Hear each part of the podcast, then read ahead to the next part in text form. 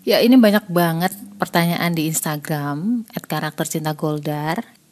Mbak, bisa nggak sih sebenarnya watak itu dirubah secara di Instagram at karakter cinta Goldar itu kan ngebahas klasifikasi kepribadian kita berdasarkan golongan darah. Karena namanya kepribadian itu nggak mungkin 100% benar. Parameter kita itu banyak banget. Itulah hebatnya Allah. Masya Allah ya. Jadi kalau misalkan lu bilang, ah, ah nggak bener.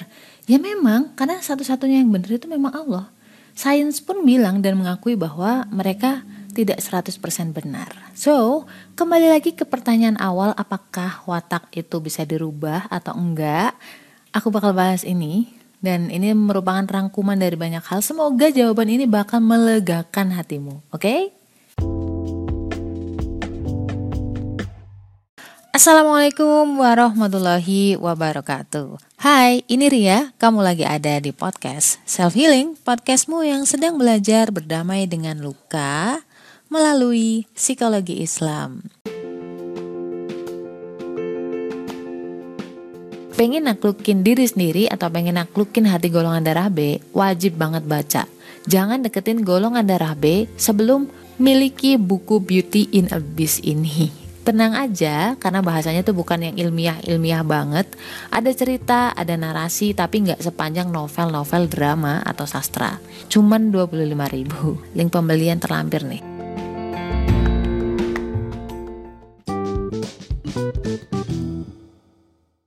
Oke okay guys, balik lagi dengan Ria Marliana di podcast self healing yang tadi kita ngomongin tentang uh, bisa gak sih watak atau kepribadian atau sifat atau karakter apa pun itulah ya dirubah, ya nggak? Kadang-kadang tuh fokus kita akar permasalahan dari awalnya adalah fokus kita lebih ke pasangan atau orang lain. Kita fokus ke orang lain, aduh wataknya kok begini ya, oh wataknya kok begitu ya, bisa gak sih sebenarnya dirubah? Ada ada rasa capek, lelah gitu ya gak sih? berkompromi. Nah itu memang, aduh, itu tuh bukan hal yang mudah. Kompromi dengan uh, customer aja tuh nggak mudah, hanya untuk satu bagian bisnis gitu loh. Apalagi dengan pasangan, di mana kita harus bisa berkompromi dengan dia di sisa usia kita. Itulah beratnya menikah.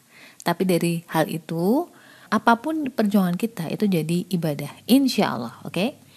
Nah sebelum kita ngejawab to the point, bisa atau enggak, kan jawabannya tinggal bisa atau enggak ya kan. Kita harus ta cari tahu dulu apakah kepribadian itu.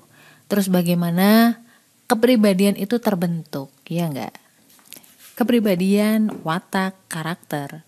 Definisinya tuh uh, sifat yang nampak secara konsisten. Sesimpel itu.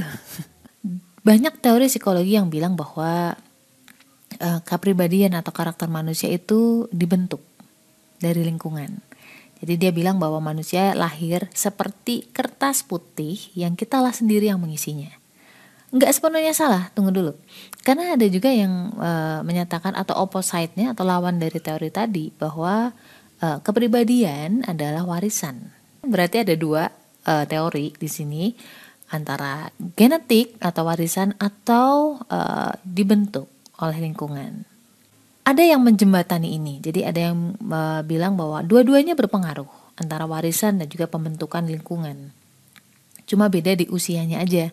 Di saat usia kecil itu warisan ya lebih dominan, tapi ketika usia 30 tahun ke atas itu lingkungan lebih banyak berpengaruh karena apa? Karena kita udah melewati banyak fase di situ. Intinya gitu. Nah, uh, apakah sudah bisa menjawab? Tentu belum. Satu hal yang membedakan dari Uh, sisi psikologi Islam dibanding dengan yang lain-lain adalah Islam menempatkan manusia sebagai makhluk yang punya kehendak atau karsa. Dia bukan menempatkan uh, manusia kayak panci, kayak benda atau objek. Jadi benar-benar semua hal itu nanti diproses oleh hati dan akalnya si manusia ini. Terus nanti akan mengeluarkan output. Satu hal yaitu free will kalau bahasa Inggrisnya tuh. Jadi kayak kehendaknya kita atau pilihan hidup kita mau memilih yang mana ya kan misalkan kamu tuh terbiasa males misalkan ya. Misalkan kan ada tuh orang-orang yang e, terbentuk menjadi males atau memang menurunkan sifat yang ogah-ogahan gitu kan. Ya sebenarnya banyak sih.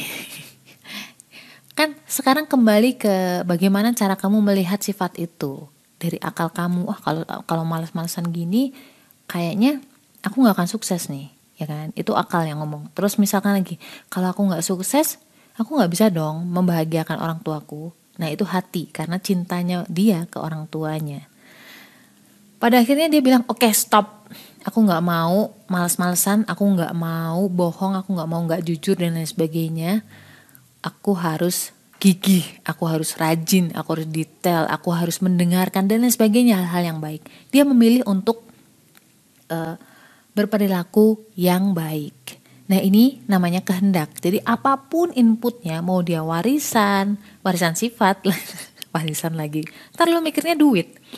Warisan sifat atau juga uh, dibentuk oleh lingkungan yang tidak baik, tapi kan dia punya hati dan punya akal, which is itu prosesornya. Outputnya itu adalah pilihan dari diri kita. Kita mau memilih hal yang baik atau yang buruk. Nah itu dia. Itu yang akan kita pertanggungjawabkan nanti ke Allah. Makanya kita diturunkan ke dunia. Karena kita punya dua potensi, potensi setan dan juga potensi malaikat. Lagi-lagi, gak ada yang salah, lu gak bisa nyalahin malaikatnya, lu gak bisa nyalahin uh, setannya, tetapi lagi-lagi bahwa lu punya kemampuan untuk memilih, memilih untuk berbuat baik atau berbuat yang kurang baik. Secara gak langsung, bahwa manusia adalah subjek. Pertanyaan apakah watak bisa dirubah? Bisa asalkan memang orangnya mau berubah. Yang bisa merubah orang adalah diri dia sendiri. Dan ini kaitannya sama hati, hidayah, inayah, taufik ya. Makanya kadang-kadang kalau kita mau merubah orang, itu jangan tuntut ke orangnya, tapi coba kita atau berdoa sama Allah, tolong bukakan hatinya agar bisa menjadi lebih baik. Termasuk bukakan hati kita untuk bisa jadi lebih baik juga nggak cuman dia uh, nggak cuman menuntut orang lain berubah tapi juga kita harus bisa merubah diri kita sendiri. Karena apa? Kita menjadi lingkungan yang suportif untuk dia berubah. Ketika uh, seseorang memutuskan untuk berubah itu nggak serta merta ya. Karena kan tadi definisinya kepribadian apa? Yes konsisten. Jadi sesuatu itu memang sulit banget di awal dan harus dilatih sampai hal itu tuh menjadi rutin atau kebiasaan.